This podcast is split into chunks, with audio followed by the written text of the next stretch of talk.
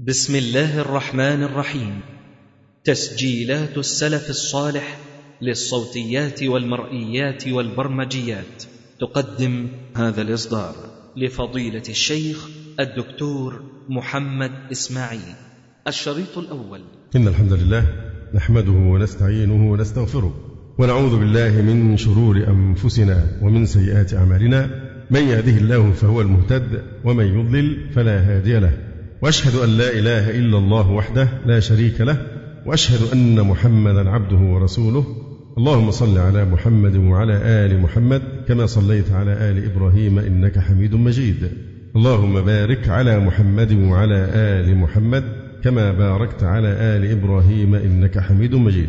أما بعد فإن أصدق الحديث كتاب الله وأحسن الهدي هدي محمد صلى الله عليه وسلم وشر الأمور محدثاتها وكل محدثة بدعة وكل بدعة ضلالة وكل ضلالة في النار. ثم أما بعد فنشرع بإذن الله تعالى في تفسير سورة الممتحنة وهي السورة الستون من حيث ترتيب تسلسل سور المصحف الشريف. وتسمى سورة الممتحنة بفتح الحاء وتسمى أيضا سورة الممتحنة بكسرها.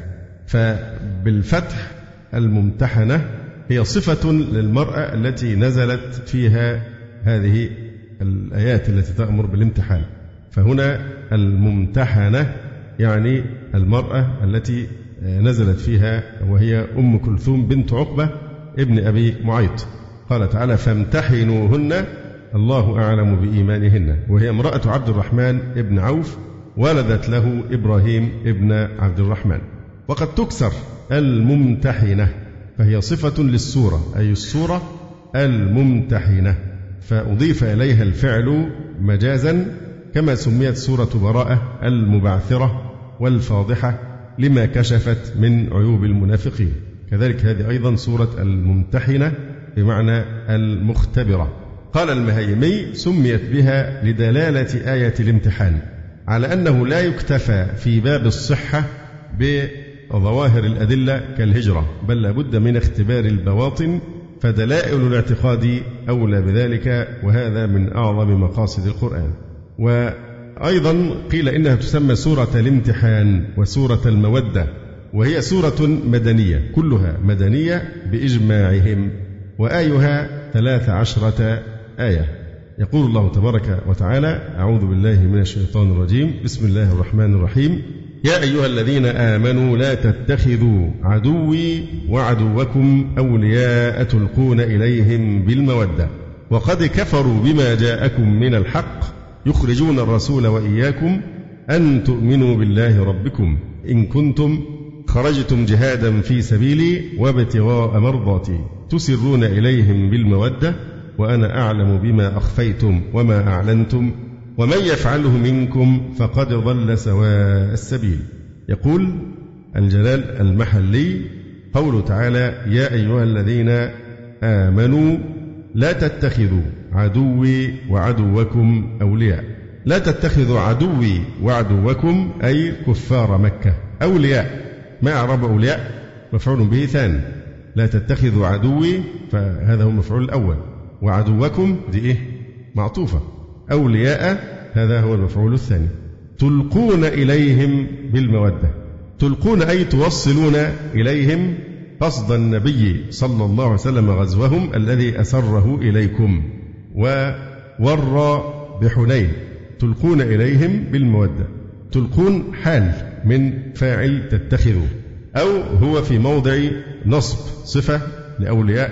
أو أن الجملة جملة تلقون تفسيرية لا محل لها تفسيرية لموالاتهم إياه وقيل هي استئناف مسوق للإخبار بذلك. تلقون إليهم تلقون إليهم. تلقون فعل وفعل. أين المفعول به؟ محذوف. تقديره تلقون إليهم أخبار رسول الله صلى الله عليه وآله وسلم. وقيل المفعول هو إيه؟ تلقون إليهم المودة. لكن الباء إيه؟ زائدة. تلقون إليهم المودة والباء زائدة. تلقون توصلون إليهم قصد النبي صلى الله عليه وسلم غزوهم الذي أسره إليكم وور بحنين. بالمودة بينكم وبينهم. فقد كتب حاطب ابن أبي بلتعة رضي الله تعالى عنه إليهم كتابا بذلك. لما له عندهم أي في مكة من الأولاد والأهل المشركين. أراد أن يكون له صنيعة عندهم حتى يحمي أهله. فاسترده النبي صلى الله عليه وسلم ممن أرسله معه بإعلام الله تعالى له بذلك وقبل عذر حاطب فيه. وقد كفروا بما جاءكم من الحق أي دين الإسلام والقرآن. الواو حالية وقد حرف تحقيق. والجملة حال من لا تتخذوا وقد كفروا لا تتخذوا عدو عدوكم وقد كفروا يعني والحال أنهم قد كفروا. أو يمكن أن تكون الجملة حالا من تلقون إليهم بالمودة وقد كفروا. والمعنى لا توادوهم وهذه حالهم. يخرجون الرسول وإياكم. يخرجون الرسول صلى الله عليه وسلم وإياكم من مكة بتضييقهم عليكم. فقوله تعالى يخرجون الرسول إما أنها مستأنفة يستأنف الجملة أو أنها مفسرة لكفرهم وقد كفروا. كيف كفروا؟ بما جاءكم من الحق يخرجون الرسول وإياكم إلى آخره. إذا الجملة مستأنفة أو مفسرة لكفرهم. فعلى الحالين لا محل لها من الإعراب. يخرجون الرسول وإياكم من مكة بتضييقهم عليكم. أن تؤمنوا بالله ربكم. ما إعراب أن تؤمنوا؟ المصدر المؤول في محل نصب مفعول لأجله أي لإيمانكم بالله. ولذلك قال هنا في التفسير أن تؤمنوا أي لأجل أن آمنتم بالله ربكم. لأجل أن آمنتم فإنهم يخرجون الرسول وإياكم صلى الله عليه وآله وسلم. أو يمكن أن تكون يخرجون الرسول وإياكم أن تؤمنوا. قلنا إنها مصدر مؤول في محل نصب مفعول لأجله أي لإيمانكم بالله. أن تؤمنوا أي لأجل أن آمنتم بالله ربكم ما أعرب ربكم بدل من لفظ الجلال. بالله ربكم إن كنتم خرجتم جهادا في سبيلي وابتغاء مرضاتي. إن كنتم خرجتم جهادا أيضا جهادا إيه؟ مفعول لأجله. ويمكن أن تعرب حالا أي حال كونكم مجاهدين. إن كنتم خرجتم جهادا في سبيلي وابتغاء مرضاتي. طبعا هنا شرط إن كنتم خرجتم. وجواب الشرط محذوف. دل عليه ما قبله. يعني إن كنتم خرجتم جهادا في سبيلي وابتغاء مرضاتي فلا تتخذوهم أولياء. تسرون إليهم بالمودة. وأنا أعلم بما أخفيتم وما أعلنتم. تسرون إما أنها مستأنفة أو أنها بدل من تلقون إليهم بالمودة. وفي هذه الحالة تكون بدل بعض من كل. لأن إلقاء المودة أعم من السر والجهر فتكون تسرون بدل بعض من كل. تسرون إليهم بالمودة وأنا أعلم بما أخفيتم وما أعلنتم. الواو حالية وأنا أعلم. ما أعرب أعلم؟ تحتمل الاثنين. تحتمل وأنا أعلم يعني أعلم إذا قلنا إنها اسم تفضيل يبقى خبر وأنا أعلم. يبقى خبر على أنه اسم تفضيل. أو أعلم فعل مضارع. وأنا أعلم بما أخفيتم وما أعلنتم ومن يفعله منكم فقد ضل سواء السبيل. الواو هنا إما عاطفة وإما مستأنفة. وما يفعله منكم أي إصرار خبر النبي صلى الله عليه وسلم إليهم فقد ضل سواء السبيل. الفاء واقعة في جواب الشرط رابطة. لأن جواب الشرط هنا اقترن بقد. فقد ضل سواء السبيل أي أخطأ طريق الهدى. والسواء في الأصل الوسط. ننظر في بعض الزيادات من تفسير القاسمي لهذه الآية الكريمة وبعض التفاسير الأخرى. قوله تعالى يا أيها الذين آمنوا لا تتخذوا عدوي وعدوكم أولياء أي أنصارا. لفظ العدو هنا مفرد ولكنه يطلق على الفرد وعلى الجماعة. من إطلاقه على الفرد قول الله عز وجل فقلنا يا آدم إن هذا عدو لك ولزوجك. فهنا أطلق على الفرد. من إطلاقه على الجمع قوله تعالى أفتتخذونه وذريته أولياء من دوني وهم لكم عدو. فأطلق هنا أيضا على الجمع. طيب هنا يراد به الجمع من الفرد. الجمع بقرينة أولياء. لا تتخذوا عدوي وعدوكم أولياء. تلقون إليهم بالمودة آه، وقد كفروا آه، يخرجون إن يثقفوكم. فهذا كله يدل على أن المراد به هنا الجمع. لا تتخذوا عدوي وعدوكم أولياء أي أنصارا. نهي لأصحاب النبي صلوات الله عليه عن موالاة مشركي مكة المحاربين لله ولرسوله صلى الله عليه وسلم وقتئذ لما فيها من الفتنة بالدين وأهله كما يأتي. تلقون إليهم بالمودة أي بالمودة الظاهرة. لماذا؟ لأن قلب حاطب كان سليما. لقول النبي صلى الله عليه وسلم في الحديث أما صاحبكم فقد صدق. كما سيأتي وسنفصل إن شاء الله تعالى. فهو ألقى إليهم المودة الظاهرة أما قلبه فكان صادقا وكان يعلم أنه في كل الأحوال سوف يمكن الله رسوله صلى الله عليه وسلم منهم ويهزمهم. تلقون إليهم بالمودة. كما ذكرنا الباء زائدة في المفعول مثل قوله تعالى ومن يرد فيه بإلحاد بظلم وقد كفروا بما جاءكم من الحق أي من الإيمان بالله ورسوله صلى الله عليه وسلم وكتابه الذي هو نهاية الهدى وغاية السعادة. ثم أشار إلى أنه لم يكفهم ذلك حتى آذوا المؤمنين بما يقطع العلائق معهم رأسا. بقوله تعالى يعني كيف تلقون إليهم بالمودة؟ وقد كفروا بما جاءكم من الحق ليس هذا فحسب بل هم أيضا آذوا الرسول والمؤمنين يخرجون الرسول وإياكم من أرضكم ودياركم. أن تؤمنوا بالله ربكم أي يخرجونكم لإيمانكم بالله الجامع للكمالات المقتضية انقياد الناقص له لا سيما باعتبار اتصافه بوصف كونه رباكم بالكمالات. فهي بالحقيقة عداوة مع الله. فموالاة أعداء الله تعني أو تستلزم معاداة الله سبحانه وتعالى. قال ابن كثير هذا مع ما قبله من التهييج على عداوتهم وعدم موالاتهم لأنهم أخرجوا الرسول صلى الله عليه وسلم وأصحابه من بين أظهرهم كراهة لما هم عليه من التوحيد وإخلاص العبادة لله وحده. ولهذا قال تعالى أن تؤمنوا بالله ربكم أي لم يكن لكم عندهم ذنب إلا إيمانكم بالله رب العالمين.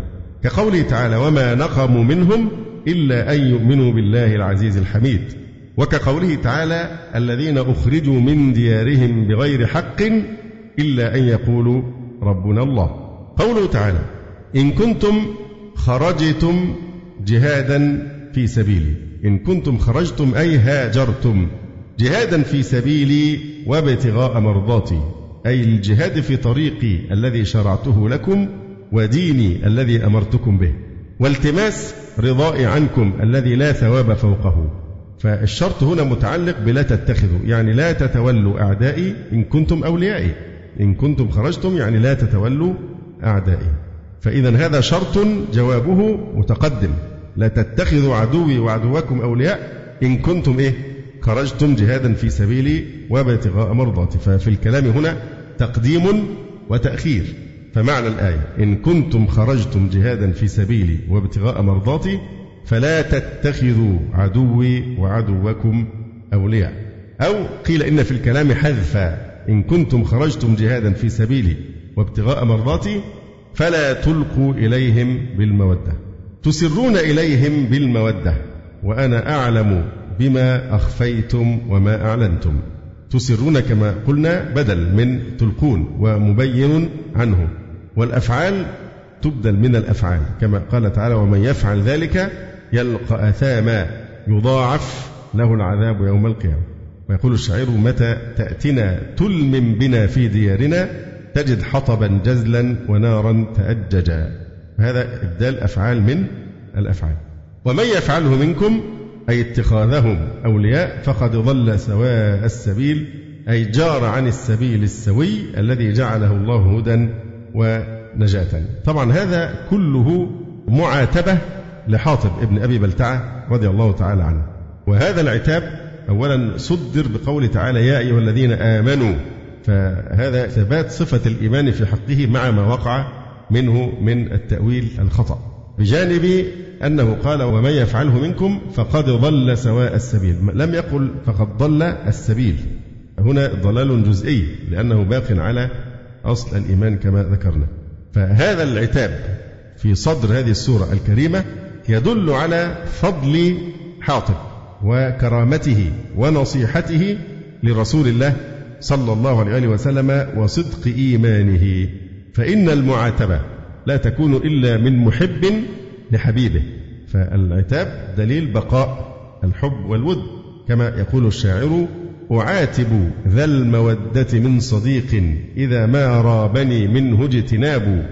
إذا ذهب العتاب فليس ود ويبقى الود ما بقي العتاب. فوجود العتاب دلالة على وجود الإيه؟ المودة. لكن إذا الإنسان أيس من شخص وما بقي بينه مودة ما يعاتبه. فوجود العتاب علامة بقاء المودة لأنه يبقي عليه وهذا معروف بين الناس وبعضهم البعض. وعاتب ذا المودة من صديق إذا ما رابني منه اجتناب. إذا ذهب العتاب فليس ود ويبقى الود ما بقي العتاب. كذلك لأن حاطبا من أولياء الله عز وجل وبل هو من البدريين من أفضل طبقات المؤمنين على الإطلاق. فلذلك عاتبه الله سبحانه وتعالى. لأن الله عز وجل يحب ويعلم صدقه. ثم يقول عز وجل مخبرا بعداوة الكفار إن يثقفوكم يكونوا لكم أعداء ويبسطوا إليكم أيديهم وألسنتهم بالسوء وودوا لو تكفرون. يقول المحلي رحمه الله تعالى إن يثقفوكم يعني إن يظفروا بكم. فهذا مجزوم بحذف النون. إن يثقفوكم تقول ثقفت الشيء ثقفا من باب تعب أخذته وثقفت الرجل في الحرب أدركته تقول ثقفته يعني ظفرت به. وثقفت الحديث فهمته بسرعة. إن يثقفوكم إن يظفروا بكم يكونوا لكم أعداء. ويبسطوا إليكم أيديهم وألسنتهم بالسوء وودوا لو تكفرون. يكون لكم أعداء ويبسطوا إليكم أيديهم بالقتل والضرب وألسنتهم بالسوء بالسب والشتم. وودوا لو تكفرون. وودوا هذا هنا عطف على جملة الشرط والجزاء. إن يثقفوكم يكون لكم أعداء ويبسطوا إليكم أيديهم وألسنتهم بالسوء. وودوا أي تمنوا لو تكفرون. ما نوع لو؟ لو دي لما تيجي مع ودوا تبقى معروفة. ودوا لو ما كان ضرك لو مننت وربما من الفتى وهو المغيظ المحنق. لو إيه مصدرية؟ فلو هنا مصدرية. وودوا لو تكفرون يعني ودوا كفركم. فلو هنا مصدرية. وودوا لو تكفرون. ولو وما في حيزها مصدر في محل نصب مفعول ودوا يعني ودوا كفركم. ود كثير من أهل الكتاب لو يردونكم. فلو مصدرية. طبعا نلاحظ هنا قول الله تبارك وتعالى إن يثقفوكم مضارع يكونوا لكم أعداء. الخبر جاء إيه؟ مضارع.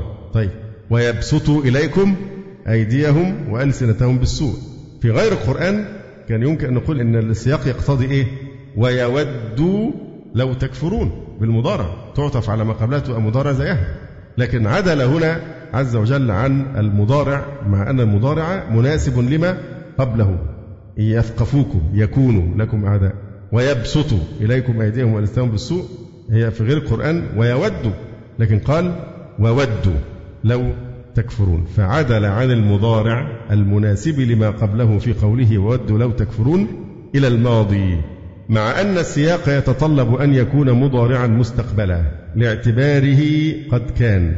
يعني أن ودادتهم كفركم هو المهم لديهم ولا شيء يعدله في الرجحان. بمعنى أنهم يريدون بكم أشياء كثيرة جدا لكن أعز وأغلى أمنية عند الكفار بكم أن ترتدوا كفارا. هذا أهم شيء عندهم. فودادتهم كفركم هو المهم لديهم. يعني ولا شيء يعدله في الرجحان. لا يوجد هدف آخر أهم من هذا الهدف. ودوا لو تكفرون. يعني أنهم يريدون أن يلحقوا بكم جميع مضار الدين والدنيا وارتداتكم كفارا أسبق المضار لكم لأنهم يعلمون أن الدين أعز عليكم من أرواحكم وهذا من بديع التعبير. وودوا لو تكفرون. يقول القاسمي رحمه الله تعالى ثم أخبر بعداوة الكفار فقال إن يثقفوكم يكونوا لكم أعداء. ويبسطوا إليكم أيديهم وألسنتهم بالسوء وودوا لو تكفرون. يعني فكيف تناصحونهم وهم لا يناصحونكم؟ إنما يريدون بكم أسوأ ما يتمناه شخص لشخص وهو الوقوع في الكفر. إن يثقفوكم أي يدركوكم ويظفروا بكم يكون لكم أعداء أي حربا ولا ينفعكم إلقاء المودة إليهم. لن يشفع لكم عندهم إلقاء المودة كما حصل من حاطب رضي الله عنه. ويبسطوا إليكم أيديهم وألسنتهم بالسوء أي بما يسوءكم كالقتل والشتم وودوا لو تكفرون أي بما جاءكم من الحق وترجعون إلى دينهم. ثم يقول تبارك وتعالى لن تنفعكم أرحامكم ولا أولادكم. يوم القيامة يفصل بينكم والله بما تعملون بصير. هذا كلام مستأنف. مسوق للإعلام بأن أرحامهم وأولادهم لن ينفعوهم فلن حرف نفي ونصب واستقبال. لن تنفعكم أرحامكم قرابتكم ولا أولادكم المشركون الذين لأجلهم أسررتم الخبر من العذاب في الآخرة. هؤلاء لن يغنوا عنكم مع أنكم من أجلهم آه، يعني حاطب ارتكب هذا الفعل وهو ما يمكن أن نسميه نوع من التجسس لحساب العدو لما أخبر بسر رسول الله صلى الله عليه وسلم. فهؤلاء الذين ارتكبتم هذا الفعل الشنيع من أجلهم لن ينفعكم يوم القيامة لن تنفعكم أرحامكم ولا أولادكم. المشركون الذين لأجلهم أسررتم الخبر لن ينفعكم من العذاب في الآخرة. يوم القيامة يفصل بينكم. قراءتان يوم القيامة يوم طبعا آه، ظرف متعلق إما بما قبله أو متعلق بما بعده. يبقى إما أنها متعلقة بما قبلها يعني لن تنفعكم يوم القيامة أرحامكم ولا أولادكم. لن تنفعكم يوم القيامة. فيوم إما أنها متعلقة بما قبلها أو متعلقة بما بعدها. يبقى لن تنفعكم أرحامكم ولا أولادكم. يوم القيامة يفصل بينكم. يبقى يوم القيامة متعلقة باللي بعده اللي هو الفصل بينكم يكون يوم القيامة. وهنا قراءتان أو أكثر كما سيأتي. يوم القيامة يفصل بينكم بالمفعول أو يفصل بينكم وبينهم فتكونون في الجنة وهم في جملة الكفار في النار. والله بما تعملون بصير. يقول القاسمي رحمه الله تعالى قوله تعالى لن تنفعكم أرحامكم أي قراباتكم وذو أرحامكم. ولا أولادكم يوم القيامة. يفصل بينكم أي بإثابة المؤمنين ومعاقبة العاصين. وفيها قراءات. عدة. يفصل ويفصل ويفصل ونفصل ونفصل. لكن المشهور هي يفصل ويفصل. أشهر القراءتين. وقال القشني أي لا نفع لمن اخترتم موالاة العدو الحقيقي لأجله لأن القيامة مفرقة. وهذا معنى قوله تعالى يوم القيامة يفصل بينكم أي يفصل الله بينكم وبين أرحامكم وأولادكم كما قال يوم يفر المرء من أخيه وأمه وأبيه وصاحبته وبنيه. والله بما تعملون بصير. ذكر ابن جرير أن هذه الآيات من أول هذه السورة نزلت في شأن حاطب ابن أبي بلتعة وكان كتب إلى قريش بمكة يطلعهم على أمر كان رسول الله صلى الله عليه وسلم قد أخفاه عنهم. أما رواية البخاري في شأن هذه القصة فعن علي رضي الله تعالى عنه قال بعثني رسول الله صلى الله عليه وآله وسلم أنا والزبير والمقداد. فقال انطلقوا حتى تأتوا روضة قاخ. وهي مكان بين المدينة ومكة على بعد 12 ميلا من المدينة. انطلقوا حتى تأتوا روضة قاخ. فإن بها ضعينة ضعينة هي المرأة في الهودج الذي يكون فوق الجمل. فإن بها ضعينة معها كتاب فخذوه منها. فذهبنا تعادى بنا خيلنا أي تجري بنا خيلنا حتى أتينا الروضة. فإذا نحن بالضعينة فقلنا أخرجي الكتاب. فقالت ما معي من كتاب. فقلنا لتخرجن الكتاب أو لنلقين الثياب. سنضطر إلى تفتيشك وكشف ثيابك. لا تخرجن الكتاب أو لنلقين الثياب. فأخرجته من عقاصها. فأتينا به النبي صلى الله عليه وسلم. فإذا فيه من حاطب ابن أبي بلتعة إلى أناس من المشركين. يخبرهم ببعض أمر النبي صلى الله عليه وآله وسلم. فقال النبي صلى الله عليه وآله وسلم ما هذا يا حاطب؟ قال لا تعجل علي يا رسول الله. إني كنت امرأ من قريش ولم أكن من أنفسهم. يعني كان ملحقا بقريش بالولاء ولم يكن أصلا قرشيا فوضعه يعني ضعيف من حيث النسب فيهم يعني. إني كنت امرأ من قريش ولم أكن من أنفسهم. وكان من معك من المهاجرين. لهم قرابات يحمون بها أهليهم وأموالهم بمكة. فأحببت إذ فاتني من النسب فيهم أن أصطنع إليهم يدا يحمون قرابتي. وما فعلت ذلك كفرا ولا ارتدادا عن ديني. فقال النبي صلى الله عليه وسلم إنه قد صدقكم. فقال عمر دعني يا رسول الله فأضرب عنقه. فقال إنه شهد بدرا. وما يدريك لعل الله عز وجل اطلع على أهل بدر فقال اعملوا ما شئتم فقد غفرت لكم. فهذا الخطأ الجسيم الذي وقع فيه حاطب مغمور في الحسنة العظيمة وهي أنه من أهل بدر الذين نصروا الله ورسوله وأبلوا بلاء حسنا في وقت الشدة ووقت الحاجة. فهذا فيها نوع من الموازنة بين الأعمال في حق حاطب رضي الله تعالى عنه. ومعنى قول عمر دعني يا رسول الله فأضرب عنقه. عمر ظن أنه ليس بمعذور. أو أنه متعمد أن يرتكب هذا الفعل فبين النبي صلى الله عليه وسلم أنه كان صادقا فيما قال وأنه لم يكن هذا كفرا ولا ارتدادا عن الإسلام. فلما قال عمر دعني يا رسول الله فأضرب عنقه قال إنه شهد بدرا. وما يدريك لعل الله اطلع على أهل بدر فقال اعملوا ما شئتم فقد غفرت لكم. اعملوا ما شئتم ليس معناها إباحة المخالفات من أهل بدر. ولكن المقصود أن الله علم منهم أنه إذا وقع أحدهم في خطأ فإنه يستدركه بالتوبة والاستغفار فيغفر الله عز وجل له. قال عمرو بن دينار راوي الحديث ونزلت فيه يا أيها الذين آمنوا لا تتخذوا عدوي وعدوكم أولياء إلى آخر الآية. وقال ابن كثير كان حاطب هذا رجلا من المهاجرين ومن أهل بدر وكان له بمكة أولاد ومال ولم يكن من قريش أنفسهم بل كان حليفا لعثمان. فلما عزم رسول الله صلى الله عليه وسلم على فتح مكة لما نقض أهلها العهد فأمر النبي صلى الله عليه وسلم المسلمين بالتجهز لغزوهم وقال اللهم عم عليهم خبرنا فعمد حاطب هذا فكتب كتابا إلى أهل مكة يعلمهم بما عزم عليه رسول الله صلى الله عليه وسلم من غزوهم ليتخذ بذلك عندهم يدا كما جاء في الحديث. وقال ابن كثير يعني تعالى بقوله لا تتخذوا عدوي وعدوكم أولياء المشركين والكفار الذين هم محاربون لله ولرسوله وللمؤمنين الذين شرع الله عداوتهم ومصارمتهم ونهى أن يتخذوا أولياء وأصدقاء كما قال تعالى يا أيها الذين آمنوا لا تتخذوا اليهود والنصارى أولياء بعضهم أولياء بعض. ومن يتولهم منكم فإنه منهم. وهذا تهديد شديد ووعيد أكيد. قال تعالى يا أيها الذين آمنوا لا تتخذوا الذين اتخذوا دينكم هزوا ولعبا. من الذين أوتوا الكتاب من قبلكم والكفار أولياء.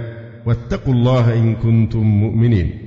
وقال تعالى يا أيها الذين آمنوا لا تتخذوا الكافرين أولياء من دون المؤمنين أتريدون أن تجعلوا لله عليكم سلطانا مبينا؟ وقال تعالى لا يتخذ المؤمنون الكافرين أولياء من دون المؤمنين. ومن يفعل ذلك فليس من الله في شيء إلا أن تتقوا منهم تقاه ويحذركم الله نفسه. ولهذا قبل رسول الله صلى الله عليه وآله وسلم عذر حاطب لما ذكر أنه إنما فعل ذلك مصانعة لقريش لأجل ما كان له عندهم من الأموال والأولاد. وذكر أن حاطبا لما سمع يا أيها الذين آمنوا غشي عليه من الفرح بخطاب الإيمان. أن القرآن الكريم ما زال يخاطبه بصفة الإيمان رغم ما فعله. نعم. وهذه الصورة لا شك أصل في النهي عن موالاة الكفار. ولا شك أن قضية الموالاة الولاء والبراء أخطر قضية في الإسلام بعد قضية التوحيد. ولا توجد قضية لها أولوية وتوفرت عليها الأدلة بعد التوحيد من قضية الولاء والبراء. إلا تفعلوه تكن فتنة في الأرض وفساد كبير لأن الحق سيختلط بالباطل ويلتبس على الناس. كما نلاحظ في هذا العصر الآن في هذا الزمان محاولة إزالة الحواجز أو الحدود بين الكفر والإيمان فكل مؤمن وكل داخل الجنة واليهود والنصارى مؤمنون والموضوع يعني إيه؟ إزالة الحواجز وإزالة الحدود تحت مسميات عدة. في حين أننا كما نعلم أن هؤلاء القوم فيما بينهم قد اتحدوا واصطلحوا وكلهم كل قوى الكفر على وجه الأرض إنما تقصد الإسلام والإسلام بالذات. لماذا؟ لأن الإسلام كما ذكرنا هو الدين الوحيد الذي يستعصي على التحريف. هم استطاعوا أن يحرفوا في يهوديتهم والنصارى حرفوا عقيدتهم. وبينهم من المودة والتفاهم والاقتراب لأن كل باطل هو بيتنازل عن شيء عن باطل. أما الإسلام فهو الدين الوحيد الذي يستعصي على التحريف لأن الله سبحانه وتعالى تكفل بحفظه. إنا نحن نزلنا الذكر وإنا له لحافظون. لأن لو زال الحد الفاصل بين الإيمان والكفر هذا فيه ضلال مبين للناس. سوف يختلط الحق عليه. أن المسلم يبقى زي الكافر والاثنين مستويين وهذه المعاني التي تشيع الآن في ظل العولمة وفي ظل التخريب الذي يحصل في عقيدة الناس إذا شوشت قضية الولاء والبراء انتهى هذا الأمر. ولذلك أفرد شيخ الإسلام رحمه الله تعالى كتابا رائعا من أروع ما جادت به قريحته رحمه الله تعالى في تناول هذه القضية الخطيرة وهو كتاب اقتضاء الصراط المستقيم مخالفة أصحاب الجحيم. من التزم الصراط المستقيم فإن اتباع الصراط المستقيم الذي هو الإسلام يقتضي أنك لابد أن تكره وتعادي وتتبرأ ممن يخالفه وهم المغضوب عليهم والضالون. يقول القسمي أي أنه قبل عذره فيما قام في ظنه من كون ذلك ليس بكبيرة وإن أخطأ. والمجتهد المخطئ معذور وقد تبين خطأه بصريح النهي عن معاودة مثله الذي لأجله نزلت السورة. ولذلك قال الإمام الكيا الهراسي يؤخذ من آية يؤخذ من الآية أن الخوف على المال والولد لا يبيح الفتنة في دين الله وهو ظاهر. وليس هذا من التقية لأن التقية في موضوع آخر. يقول القاضي أبو يعلى في هذه القصة دلالة على أن الخوف على المال والولد لا يبيح التقية في إظهار الكفر كما يبيح في الخوف على النفس. ويبين ذلك أن الله تعالى فرض الهجرة ولم يعذرهم في التخلف لأجل أموالهم وأولادهم. وإنما ظن حاطب أن ذلك يجوز له ليدفع به عن ولده كما يجوز له أن يدفع عن نفسه بمثل ذلك عند التقية. وإنما قال عمر دعني أضرب عنق هذا المنافق لأنه ظن أنه فعل ذلك عن غير تأويل. ثم يقول الله تبارك وتعالى قد كانت لكم أسوة حسنة في إبراهيم والذين معه. إذ قالوا لقومهم إنا براء منكم ومما تعبدون من دون الله. كفرنا بكم وبدا بيننا وبينكم العداوة والبغضاء أبدا حتى تؤمنوا بالله وحده. إلا قول إبراهيم لأبيه لأستغفرن لك وما أملك لك من الله من شيء. ربنا عليك توكلنا وإليك أنبنا وإليك المصير. ربنا لا تجعلنا فتنة للذين كفروا واغفر لنا ربنا إنك أنت العزيز الحكيم. قوله تعالى قد كانت لكم أسوة وتقرأ إسوة بكسر الهمزة وضمها في الموضعين. قد كانت لكم إسوة أو أسوة بالكسر والضم. والإسوة أو الأسوة هي القدوة وما يتعزى به. قد كانت لكم أسوة حسنة في إبراهيم يعني بإبراهيم قولا وفعلا. هذا الكلام مستأنف. مسوق لضرب المثال الجدير بالاحتذاء في النهي عن موالاة الكفار والركون إلى الأعداء. يعني علاقة هذا الكلام بما قبله أن الله سبحانه وتعالى ما زال يخاطب المؤمنين وفي مقدمتهم حاطب ابن أبي بلتعة بما فعل أنه كان الأولى والأجدر بك أو بكم أن تحتذي وتأتسي بموقف إبراهيم مع قومه من الكفار. فهذا كلام مستأنف مسوق لضرب المثال الجدير بالاحتذاء في النهي عن موالاة الكفار والركون إلى الأعداء. وأن الصدور المطوية على الضغن يجب أن تبقى على عدائها حتى يزول السبب القائم. إن كانت العداوة لله فلا تزول العداوة إلا بأن يتحول إلى ولي لله بدل كونه عدوا لله. فمن أبغض لسبب أحب لوجود ضده ومن أحب لسبب أبغض لوجود ضده. هكذا يكون الحب في الله الذي هو أوثق عرى الإيمان. إذا زالت السبب انقلبت العداوة مودة والبغضاء محبة. قد كانت لكم أسوة حسنة في إبراهيم أي أسوة بإبراهيم في أقواله وفي أفعاله. والذين معه أي من المؤمنين. انتبهوا جيدا للتفسير في غاية الدقة. يعني الجلالة المحلية هنا الكلام في غاية الدقة. ليه؟ لأنه هنا بيقول قد كانت لكم أسوة حسنة في إبراهيم. انتبهوا لقول إيه؟ قولا وفعلا. ده هيفيدنا جدا لما نيجي نفسر قوله تعالى إيه؟ إلا قول إبراهيم لأبيه. هناك ربط قوي. لذلك الكلام الذي يضعه جلال المحلي كما قلنا مرارا ده يعني عصارة البحث في القضية. مفيش حرف بيجي كده عشوائي. دي كل كلمة مقصودة ووراءها ما وراءها. فانتبهوا لهذا. يعني لنا أسوة حسنة في إبراهيم في إيه؟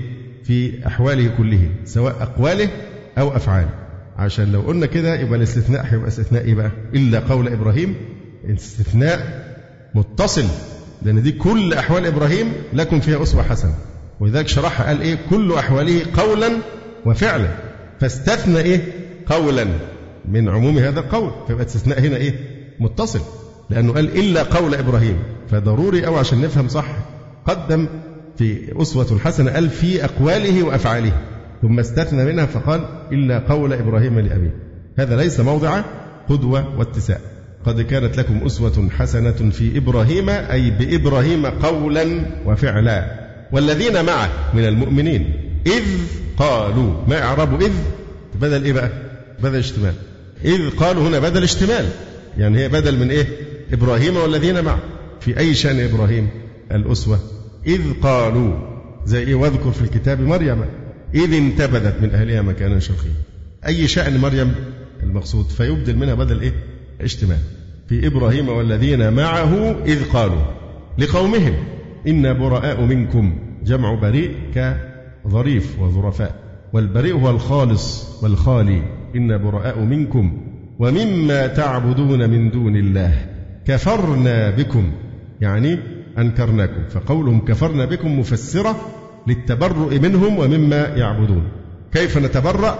بأننا كفرنا بكم أنكرناكم وبدا بيننا وبينكم العداوة والبغضاء أبدا حتى تؤمنوا بالله وحده. إلا قول إبراهيم لأبيه لأستغفرن لك. إلا أداة استثناء قول إبراهيم مستثنى من أسوة حسنة لأن القول من جملة الأسوة. فهو استثناء متصل كأنه قيل لكم فيه أسوة حسنة في جميع أحواله من قول أو فعل إلا قوله لأبيه إيه؟ لأستغفرن لك فهذا ليس لكم فيه أسوة ولا تتابعوه فيه. فهذا هو معنى الاستثناء إذا قلنا إنه استثناء متصل. يقول إلا قول إبراهيم لأبيه لأستغفرن لك مستثنى من أسوة. يعني فليس لكم التأسي به في ذلك بأن تستغفروا للكفار. وقوله وما أملك لك من الله من شيء. وما أملك لك من الله أي من عذابه وثوابه من شيء. كنا به عن أنه لا يملك له غير الاستغفار. فهو مبني عليه يعني معطوف على لأستغفرن ومرتبط به.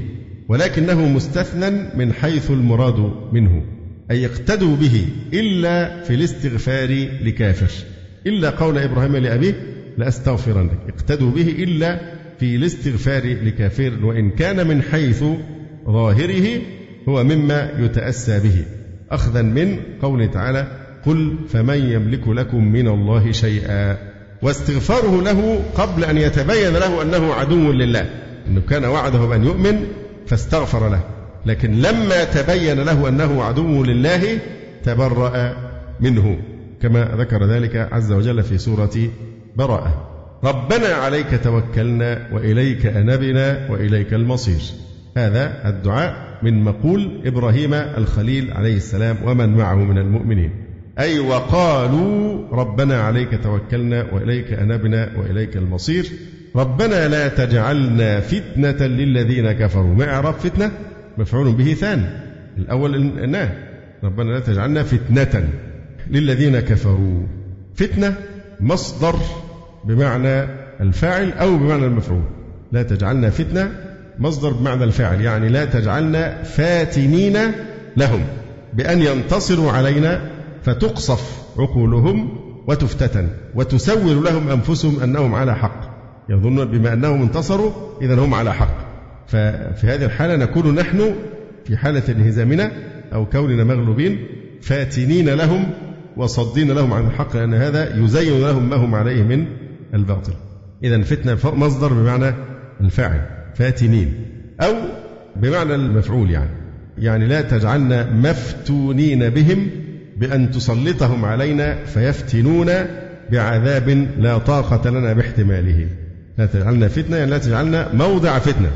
فنفتن نحن هم يفتنوننا بأن يسلطهم الله علينا فيفتنون بعذاب لا طاقة لنا باحتماله. يقول جلال المحلي ربنا لا تجعلنا فتنة للذين كفروا أي لا تظهرهم علينا فيظن أنهم على الحق فيفتنوا أي تذهب عقولهم بنا. واغفر لنا ربنا إنك أنت العزيز الحكيم في ملكك وصنعك. لقد كان لكم فيهم أسوة حسنة. لقد كان لكم يا أمة محمد صلى الله عليه وسلم. هذه الجملة تابعة لجملة قد كانت لكم أسوة حسنة في إبراهيم والذين معه. تأكيد لها أتي بها للمبالغة في التحريض على الحكم اللي هو حكم الاقتداء بهم في الولاء والبراء. لقد كان لكم يا أمة محمد. هذا جواب قسم مقدر. فيهم أسوة أو إسوة بالقراءتين حسنة لمن كان بدل اشتمال من لكم. الكاف والميم هنا. لقد كان لكم فيهم أسوة حسنة لمن كان يرجو الله واليوم الآخر أي يخافهما أو يظن الثواب والعقاب. ومن يتولى يعني بأن يوالي الكفار فإن الله هو الغني عن خلقه الحميد لأهل طاعته. ثم قال عز وجل عسى الله أن يجعل بينكم وبين الذين عاديتم منهم مودة. عسى الله أن يجعل بينكم وبين الذين عاديتم منهم من كفار مكة طاعة لله تعالى مودة.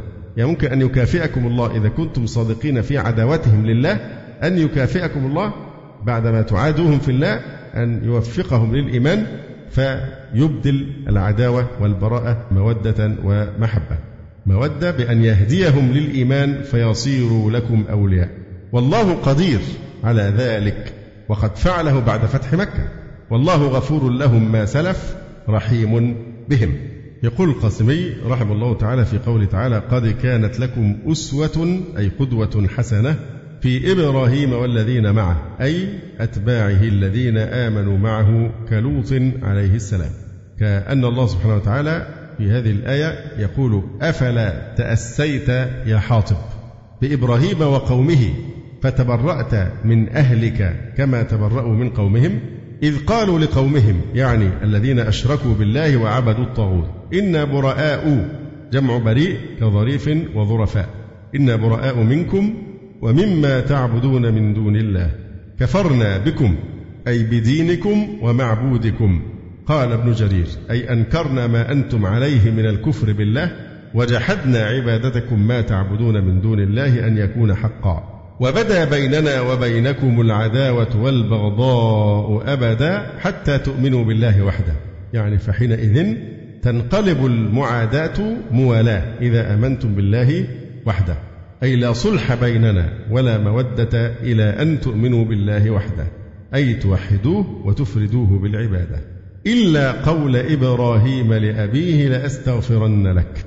استثناء من قوله أسوة حسنة.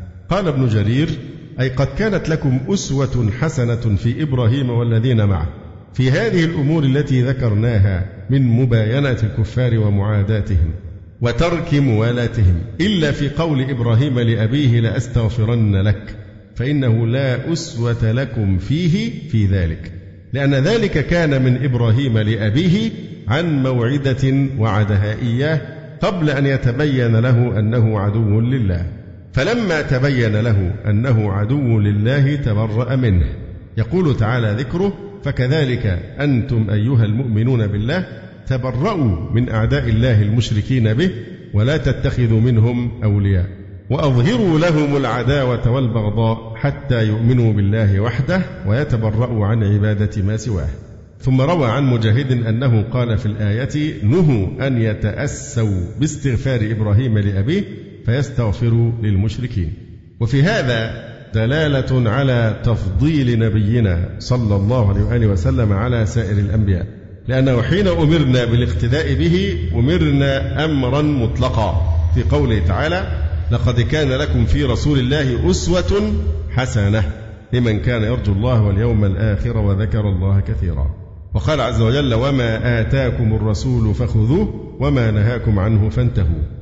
وحين أمرنا بالاقتداء بإبراهيم عليه السلام استثني بعض أفعاله إلا قول إبراهيم لأبيه.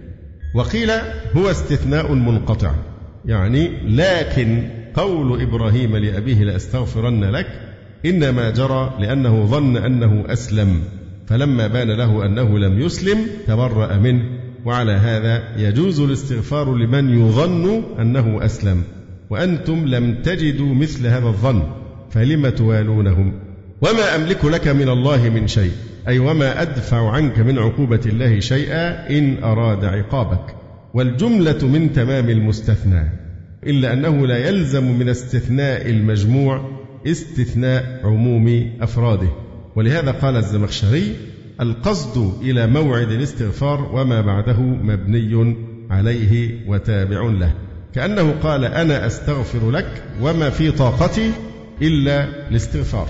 وكان من دعاء إبراهيم وأصحابه ربنا عليك توكلنا وإليك أنبنا وإليك المصير وهو من جملة الأسوة الحسنة أو أمر منه تعالى للمؤمنين بأن يقولوا ذلك تتميما لما وصاهم به من قطع الصلات المضرة بينهم وبين المحاربين لهم.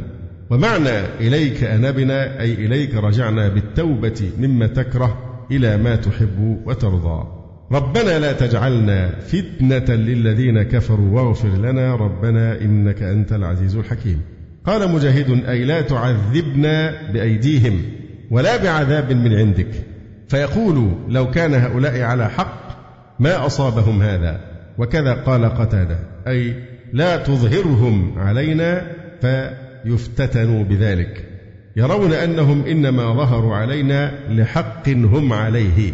ومآل هذا الدعاء هو التعوذ من مثل ما صنع حاطب مما يورث افتتان المشركين بالدين إذ يكون ذلك مدعاة لقولهم لو كان هؤلاء على حق وما يوعدون به من الظفر حق لما صانعنا مؤمنهم. يعني لا زال الكلام هنا ولا زال حتى نفس هذا الدعاء مآله التعوذ من مثل ما صنع حاطب. ربنا لا تجعلنا فتنة للذين كفروا لأن ما صنعه حاطب يمكن أن يكون صورة من صور افتتان الكفار لأنهم يقول لو كان هؤلاء على حق ولو كان ما يوعدون به من النصر والظفر حقا لما صانعنا مؤمنهم وهو حاطب. فإذا ما هم عليه أماني. فيتزلزل من كان في نفسه الانتظام في سلكهم والاستسعاد بحقهم.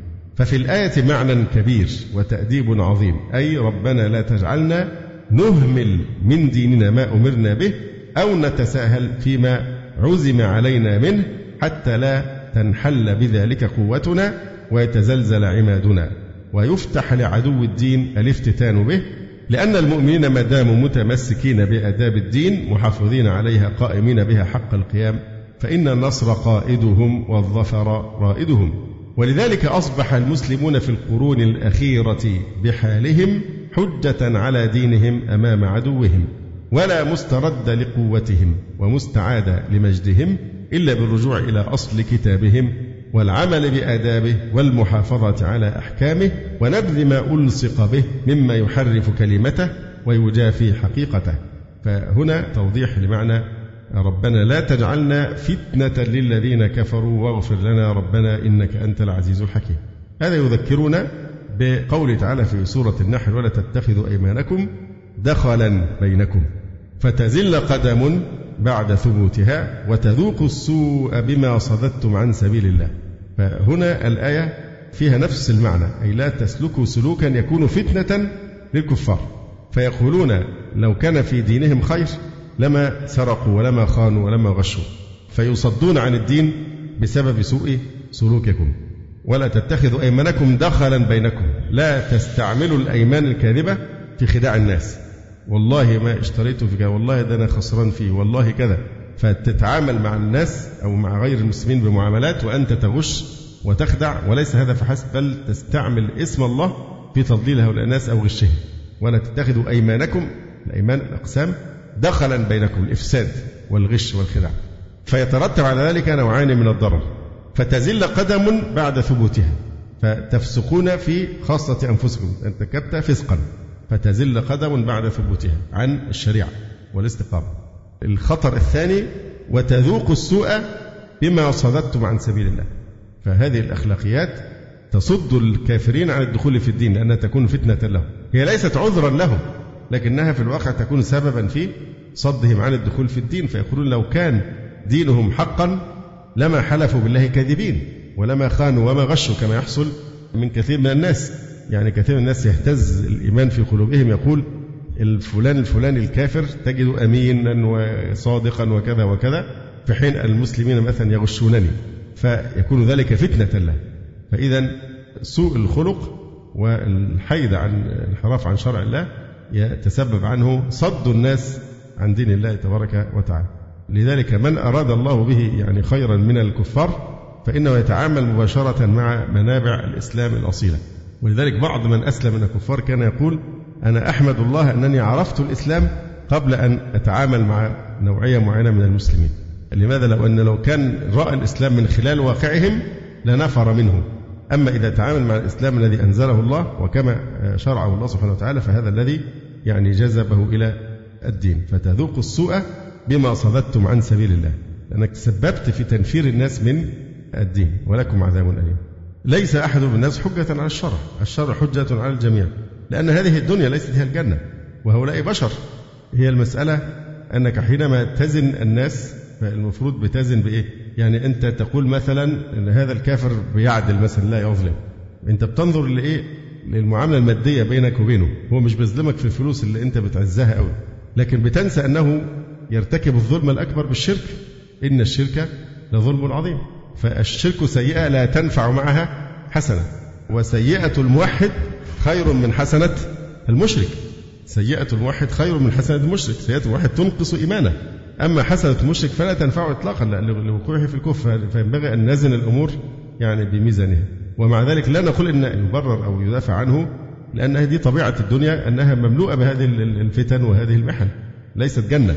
في نفس الوقت عنصر الأمانة عند المسلم ناشئ عن مراقبته لله. أما الأمانة التي تنسب لبعض الكفار في بلاد الكفار فهي أخلاق مادية ولذلك هم عندهم أنه لو راح مثلا آه، في محل آه، سوق يعني كبير أو شيء من هذا وحصل غلطة في الحساب وأنت دفعت له أكثر أضعاف مضاعفة مما يستحق. غلطت في ورقة مثلا بدل 10 دولار أعطيته 100 دولار. آه، هو بيعتبره بيقول لك جود لك حظ سعيد ان انت نسيت الفلوس دي معاه أو كده. متى ما واتتهم الفرصة هم يغتنمونها. لأنه بيعتبروا حظ كانوا لحد عنده يعني. لكن المسلم يراقب الله سبحانه وتعالى ولا يراقب الناس.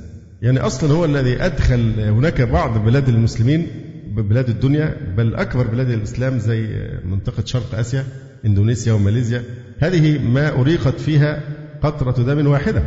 هذه فتحت عن طريق التجار المسلمين لأن التاجر المسلم كان إذا نزل هذه البلاد من أمانته وورعه وحسن خلقه كان الناس يفتنون به. أما ينزل واحد تاجر مسلم كما قال بعض الكتاب النصارى قال كان التاجر المسلم منهم ينزل داعية في زي تاجر.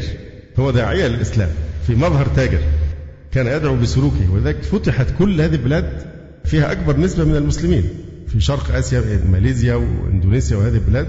ما فتحت بالسيوف إطلاقا وإنما فتحت بإيه؟ بحسن الخلق. يعيد الله عز وجل الكلام مرة ثانية في ذكر الأسوة فيقول لقد كان لكم فيهم أسوة حسنة لمن كان يرجو الله واليوم الآخر ومن يتولى فإن الله هو الغني الحميد. يعني قبل ما نترك النقطة اللي أثرناها الغرب يمكن من مدة بسيطة الصورة كانت بتلمع قوي في نظر الناس آه، ويحسنون الظن بهم جدا. ولكن ما لبث الأمر أن انكشف على حقيقته كما أخبرنا الله سبحانه وتعالى. لا عندهم مبادئ ولا قيم ولا أمانة ولا رحمة. وآية ذلك نحن نراه إحنا بنتكلم علشان بتشتري صفقة تجارية هو من مصلحته دايما حتى الابتسامة بتاعتهم. ابتسامة والمعاملة الحسنة في المتاجر وفي المحلات هذه صناعية يعني جزء من وظيفته. هناك بعض المؤسسات في أمريكا العمال لو عايزين يعاقبوا صاحب العمل بيعملوا إضراب عن الابتسام في وجه الزبائن. فتحصل خسارة فادحة. فالآن انكشف الحال وظهر لنا مصداق خبر الله سبحانه وتعالى عما في قلوبهم من الغيظ والحقد على الإسلام وأهله. لا توجد لا مبادئ ولا أخلاق ولا الغرب انكشف انكشفت سوءاته بصورة فجة. وهذا حديث يعني أعتقد كل الناس يعني يرونه. بالأمس فقط رأيت صورة عاملين مراحيض لقضاء الحاجة على هيئة رأس امرأة محجبة وباقي المكان يعني يقضون فيه فشوف السفاهة أو إن هم لما يحاولوا يستهزئوا بآيات من القرآن الكريم أو الجندي الأمريكي ده اللي في العراق الغل بتاعه وضع المصحف وأطلق عليه الرصاص خرق المصحف الشريف قاتله الله بالرصاص. هي دي بطولة يعني؟ هتقضي على المصحف؟ هتحرفه؟ فانظر إلى الكيد. والوضع الذي حصل في بلاد المسلمين سواء في العراق أو في أفغانستان أو ما يحصل في فلسطين أو في كل بقاع الدنيا يكشف هؤلاء المجرمين المتوحشين على حقيقته لكننا نحن لا نقرأ التاريخ بننسى. نسينا ما كانت تفعله فرنسا في الجزائر. من الوحشية والإجرام. الفرنسيين فعلوا في الجزائر أضعاف ما يفعله اليهود الآن في فلسطين. الآن انكشفت الحقيقة وبان زيف هذا الذي يسمى الحضارة آه، الغربية وأنها حضارة في الحقيقة هي ضد الإنسان ليست محررة للإنسان ولا صائنة لحقوقه التي يزعمونها لأن أعظم حق على الإطلاق من حقوق الإنسان هي أن يعطى الفرصة لأن يسمع عن الإسلام كما أنزله الله.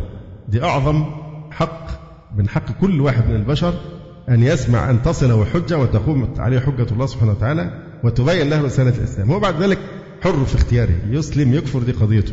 ولكن من حقه أن يأخذ فرصته. فهؤلاء القوم حريصون على تشويه سورة الإسلام كما يقول تعالى ويبغونها عوجا. لا يريدون أن الناس يرون الإسلام على حقيقته دين التوحيد ودين الفطرة. لكن يريد أن يظهره بصورة محرفة وصورة مشوهة بحيث إنهم يعني يصدون الناس عن دين الله عز وجل، فهذا أعظم حق الحق لماذا؟ أن هذا الحق بخس الإنسان هذا الحق يترتب عليه خلوده في جهنم. أبد الأبد بلا نهاية. فهل هناك إساءة للإنسان؟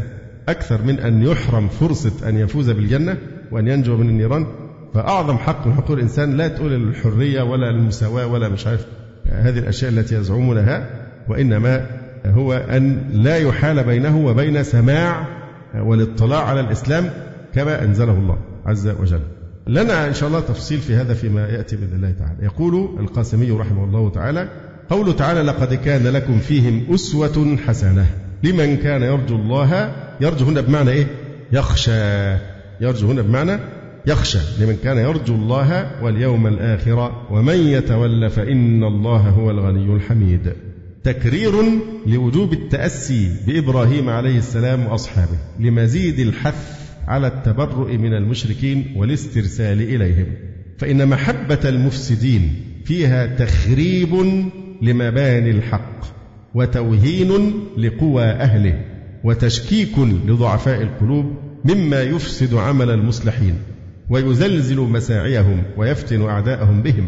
لذلك كان البغض في الله من شعب الإيمان لأن الحق لا يقوى إلا باعتصاب أهله على كلمته ورمي أعدائه عن قوس واحدة.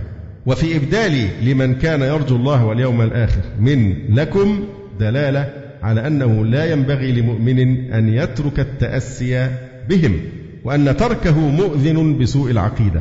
ولذلك عقبه بقوله ومن يتولى فإن الله هو الغني الحميد. أي من يتولى عما أمر به ويوالي أعداء الله ويلقي إليهم بالمودة فإنه لا يضر إلا نفسه. والله هو الغني عن إيمانه به وطاعته المحمود على كل حال. ثم يقول تعالى عسى الله يعني هذا امتحان لكم إن صدقتم في معاداتهم لوجه الله فربما يكافئكم الله بأن يحول قلوبهم إلى الإيمان. ولذلك خواتيم هذه الآية الكريمة غريبة. يعني دايما إحنا متعودين في ختم السور صفتين والله غفور رحيم والله عزيز حكيم إلى آخره. لكن هنا عسى الله أن يجعل بينكم وبين الذين عاديتم منهم مود والله قدير. ثم قال والله غفور رحيم. إشارة إلى قدرة الله على ذلك إذا نجحتم في هذا الاختبار إذا عاديتموهم في الله فالله قادر على أن يقلب هذه العداوة مودة لكن في الله حينما يتخلون عن سبب العداوة وهو الكفر. عسى الله أن يجعل بينكم وبين الذين عاديتم منهم مودة. والله قدير والله غفور رحيم. غفور رحيم بهم بعدما أسلموا. وهذا وعد منه تعالى. وقد أنجزه بأن أسلم كثير منهم بعد. وصاروا لهم أولياء وأحزابا. والآية من معجزات القرآن لما فيها من الإخبار عن مغيب وقع مصداقه. فأسلم أبو سفيان وتزوج النبي صلى الله عليه وسلم أم حبيبة بنت أبي سفيان. فلانت عند ذلك عريكة أبي سفيان واسترخت شخيمته في العداوة. أسلم خالد بن الوليد وأسلم عبد العاص كثير من من كانوا مشركين قبل ويحاربون الإسلام. دخلوا في دين الله تبارك وتعالى. نلاحظ هنا أن هذه الآيات كلها فيما مضى تركز على مسألة الولاء والبراء موالاة المسلمين والموحدين والبراءة من المشركين وعداوتهم وبغضهم ومجانبتهم. ثم انتقلت الآيات بعد ذلك إلى مظهر من مظاهر التسامح مع الكفار. لا ينهاكم الله عن الذين لم يقاتلوكم في الدين. ولم يخرجوكم من دياركم أن تبروهم وتقسطوا إليهم. إن الله يحب المقسطين. إنما ينهاكم الله عن الذين قاتلوكم في الدين وأخرجوكم من دياركم. وظاهروا على إخراجكم أن تولوهم ومن يتولهم فأولئك هم الظالمون. وجاءت آيات أخرى فيها نفس المعاني حتى مع الكافر مراعاة الإقساط العدل معه. حتى الكافر الذي كما يقول تعالى مثلا فيما يأتي وإن فاتكم شيء من أزواجكم إلى الكفار فعاقبتم فآتوا الذين ذهبت أزواجهم مثل ما أنفقوا كما سنبين التفاصيل هنا. أن يسألوا ما أنفقوا يعني من المهور مهور النساء اللائي جئنا إلى الحزن إلى المسلمين. فهنا معنى خطير جدا. الحقيقة موضوع هذه الآية هو موضوع العصر موضوع هذه السورة. لأن الآن بعض الناس يتكاتفون من أجل إطفاء مسألة الولاء والبراء وإزالتها من الوجود ويحسبون أنهم يحسنون صنعا. دايما يتكلموا على المسلمين إن أنتوا المسلمين دول ناس متعصبون متطرفون إرهابيون إلى آخره. لماذا؟ بيحاولوا يصوروا للناس إن اللي يصف الكافر بأنه كافر هم عايزين يلغوا كلمة كافر من القاموس تماما. المؤمنين بالله أنواع كثيرة. ولذلك اخترعوا لهم آه، مسألة الإيمان الإبراهيمي. خلونا نجتمع على إبراهيم. يعني اليهود والنصارى والمسلمون بيجتمعون على إبراهيم. فهي كده إيه؟ خبطة كده وإحنا كلنا إبراهيميين في حين أن العقائد غير متقابلة متنافرة. كيف ننسب إلى إبراهيم؟ ومن أسعد الناس بملة إبراهيم؟ هم أهل الإسلام بلا شك في ذلك. فيريدون تمييع الحدود الفاصلة بين الكفر وبين الإسلام. فيرموننا بالتعصب. طيب هم ماذا يعتقدون في المسلمين؟ هندخل الجنة؟ هل النصارى يصفوننا بالإيمان أم أننا أصلا كفار عندهم؟ اليهود يكفروننا والنصارى يكفرون اليهود. لا خير في دين لا تكفير فيه. ما فيش حاجة اسمها دين ما بقاش بيكفر اللي بيخالفه. لا خير في دين لا تكفير فيه. لكن يكفر من يستحق الكفر. ثم إن هذه الاعتقادات حتى طبقا للقوانين العالمية والأرضية وكذا ومبدأ حرية العقيدة. أنا حر أعتقد أنت كافر وأنت مخلد في جهنم وأن التوراة محرفة والإنجيل محرف. وكل هذه الأشياء هذا اعتقاد في داخل القلب. والإنسان لا يوصف بالتعصب لأنه يعتقد بدليل أنهم تسامحوا في باب حرية العقيدة حتى بنوا معابد للشيطان يعبد فيها الشيطان بناء على مبدأ حرية العقيدة. فكوني أعتقد في قلبي أن اليهودي كافر النصراني كافر إلى آخره أنا حر طبقا لمبدأ حرية العقيدة. يعني نحن نحاكمهم بمبادئهم هم. أنا حر أعتقد فيك أنك كافر. التعصب والتسامح ليس مجاله الاعتقاد. التعصب والتسامح في التعامل في المعاملة. فإذا ظلمت النصراني أو اليهودي بخسته حقه ظلمته في شيء معين هو من حقه فهنا هذا هو التعصب. أما أنا متعصب لأني أعتقد أنه كافر هذا لا علاقة له إطلاقا بالتعصب. هذا ليس من التعصب في شيء. ثم إذا فتحنا ملف التسامح بقى مع الكفار الذين عاشوا تحت كنف المسلمين أو حتى الذين قاتلوا المسلمين. ملف التسامح ده ملف يمكن حتى كثير من الإخوة معلوماتهم فيه ضعيفة وهزيلة لأن الإسلام فعلا في مجال التسامح مع مخالفيه ضرب أمثلة من أروع ما يكون وده حديث طويل الحقيقة نرجو أن نوفيه حقا لأنه حديث مهم جدا. والأوضاع التي نحن نعيشها تحدث نوعا من سوء الفهم والقصور في الفهم كما سنبين إن شاء الله تعالى فيما بعد. فموضوع التسامح لا يعرف على الإطلاق دين تمكن وغلب وقهر خصومه ومارس هذا القدر من التسامح كما فعل المسلمون في كل أدوار التاريخ الإسلامي. يكفي بس المقارنة حتى في الحروب الصليبية. الحروب الصليبية باعتراف كل مؤرخي الغرب أنهم ارتكبوا فيها مذابح وحشية يندى لها جبين التاريخ. مذابح في فلسطين وفي القدس فعلوها المسلمين وغدر وخيانة أيضا مما يندى لها يعني جبين التاريخ. والأحداث التاريخية هنا مهمة جدا في الحقيقة. فالمسلمون كانوا أعدل الناس وأنصف الناس حتى بين الكفار أنفسهم. وإن شاء الله هذا له حديث طويل سوف نجتهد فيما بعد في أن نوفيه حقه موضوع التسامح. لأن دائما يربط التسامح بالتنازل عن العقيدة. لا تثبت على عقيدتك ولكن أيضا تتسامح. وله حدود وله نماذج رائعة جدا في التاريخ الإسلامي سوف نفصل فيها إن شاء الله فيما بعد. نكتفي بهذا القدر. أقول قولي هذا. استغفر الله لي ولكم. سبحانك اللهم ربنا وبحمدك أشهد أن لا إله إلا أنت أستغفرك وأتوب إليك. جزى الله فضيلة الشيخ خير الجزاء ونسأل الله جل وعلا أن يرفع مكانة الشيخ في المهديين وأن يجعله علما من أعلام الهدى والدين. ولا تنسونا وتنسوا الشيخ من دعوة صادقة بظهر الغيب. وتقبلوا تحيات إخوانكم في تسجيلات السلف الصالح بالإسكندرية. هاتف رقم صفر ثلاثة فاصل أربعة تسعة أربعة سبعة ستة خمسة اثنان. والتليفون محمول صفر عشرة واحد ستة أربعة واحد تسعة ثمانية صفر. والسلام عليكم ورحمة الله وبركاته.